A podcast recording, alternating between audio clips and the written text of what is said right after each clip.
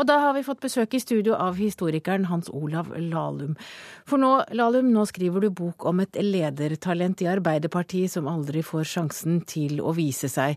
Du skriver om 21 år gamle Håvard Vederhus, og han ble drept på Utøya. Hvorfor skriver du om en 21 år gammel AUF-er som aldri får sjansen til å vise at talentet var mer enn et talent? Nei, Det har jo av og til vært hevdet at jeg skriver litt for tykke bøker. Denne her kommer til å bli litt for tynn, og den til å, ble jo skrevet en del tiår før den skulle ha blitt skrevet. Og den blir jo selvfølgelig preget av det. Det blir en helt annen type bok enn det ville blitt hvis noen skulle skrevet en biografi om han om 30 eller 40 år frem i tid, selvfølgelig. Det kommer til å handle en del om oppveksten og veien fram til Utøya, og det som skjer på Utøya, og litt om veien videre. Men jeg følte vel at det på en måte var en bok som var savna litt. Det er en veldig spesiell personlighet. Jeg håper jo at han samtidig kan være en veldig god representant for de mange talentene man mistet på Utøya. Jeg håper at det er en bok som kan være litt til hjelp for en del av de som der eller i andre sammenhenger har mistet et barn i familien. da.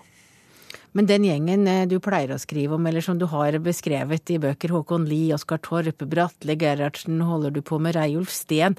Tror du også Vederhus ville ha nådd eh, like langt hvis han hadde fått leve? Det får vi aldri vite. Eh, og det gjelder ham og det gjelder mange andre talenter der, men tragedien står igjen uansett. Fordi noen av de som døde der ville ha nådd veldig langt, eh, andre ville kanskje ha begynt med andre ting.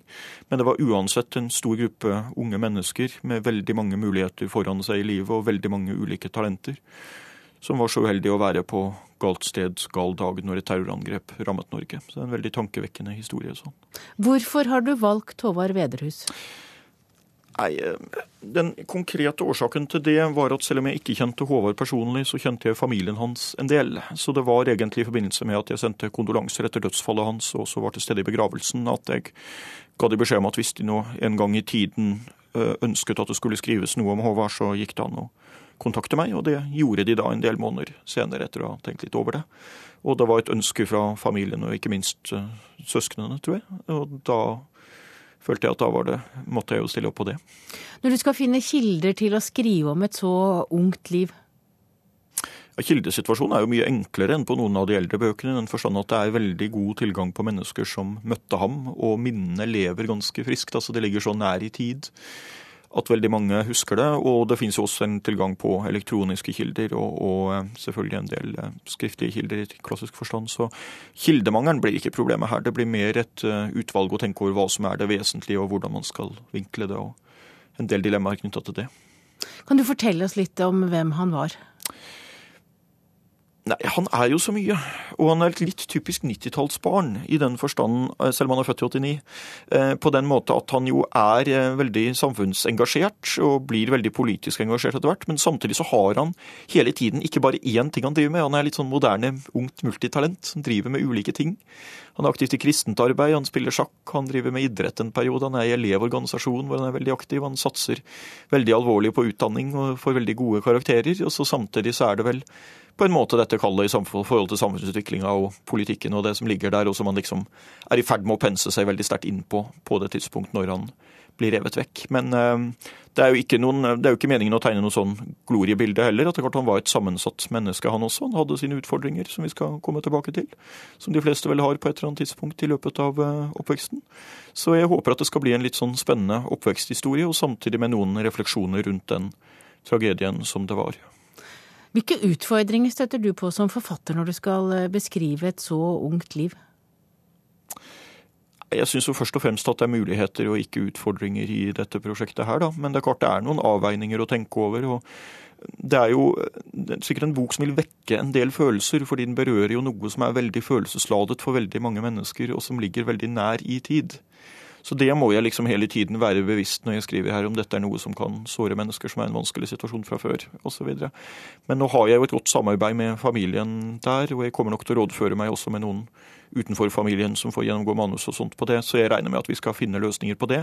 Men det er noen balanser å tenke gjennom der, og så er det selvfølgelig et spørsmål hvor langt skal du skrive om et liv som på sett og vis blir så kort? Altså skal du liksom prøve å skrive det langt, eller skal du ta en ganske kort gjennomgang fram til eh, den dagen han dør? Det får vi se litt nærmere på.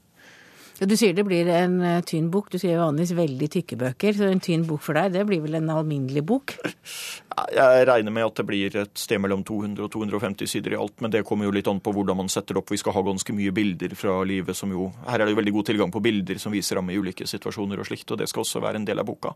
Men Lahlum, du sier jo at det er, det er jo en biografi over Håvard Vederhus, men det er jo også over alle de som eh, ble borte på Utøya. Ja. Hvordan har du tenkt å gjøre det? Nei, Jeg skal nok snakke med noen av de og høre hvilke tanker de har gjort seg eh, rundt det. Og så må jeg jo klare å få frem at han på den ene siden var Håvard og det enkeltindividet han var, med sin unike personlighet og sine sammensetning av talenter og sånt. Samtidig så blir han jo her selvfølgelig også en representant for de mange på Utøya som har mye felles med han, altså samfunnsengasjementet, det er unge mennesker osv. Så, videre. så det blir en av balansene jeg må se litt på, i hvor stor grad jeg liksom skal fremstille han som en representant for den organisasjonen han var i og den gruppen han tilhørte, og i hvor stor grad jeg liksom skal sette et mer sånn mikroskopfokus på han. Men eh, det tror jeg nok. Hvem skriver du boken for? Jeg skriver boken for mennesker i alle aldre som er interessert i samfunnslivet i Norge og i politikk og sånt. Og så skal jeg skrive den litt spesielt for unge mennesker som står på spranget inn i voksenlivet, som kanskje er litt i tvil om hvor de skal, og som kanskje har litt samfunnsengasjement, eller kanskje litt mer samfunnsengasjement. Så jeg håper at det skal være en bok som har interesse for unge mennesker på tvers av partigrensene, uansett om de var enige med Håvard eller ikke. Og gjerne for en del som ikke er politisk aktive, men som kanskje kan bli det. Og i så fall så har det kommet noe positivt ut av dette prosjektet. Altså. Ja, for nå skriver du om de som, for, mange, for mange av de som er yngre enn deg, til og med. Ja, jeg skal nok skrive Jeg håper at det skal være mange lesere av denne boka som er eh, som er mye yngre enn meg. Og det opplever jeg har jeg faktisk opplevd allerede i dag, at det har vært en veldig respons fra unge mennesker. Noen er i tenårene og noen litt opp i 20-årene og litt. Og mange som kjente Håvard, og så mange som ikke kjente Håvard, tror jeg, som kan ha interesse av det.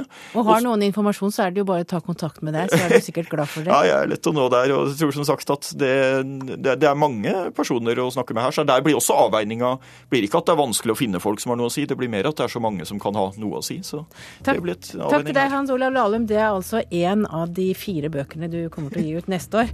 Så da får du bare løpe ut av studio. Dette blir den første, og boka kommer i april.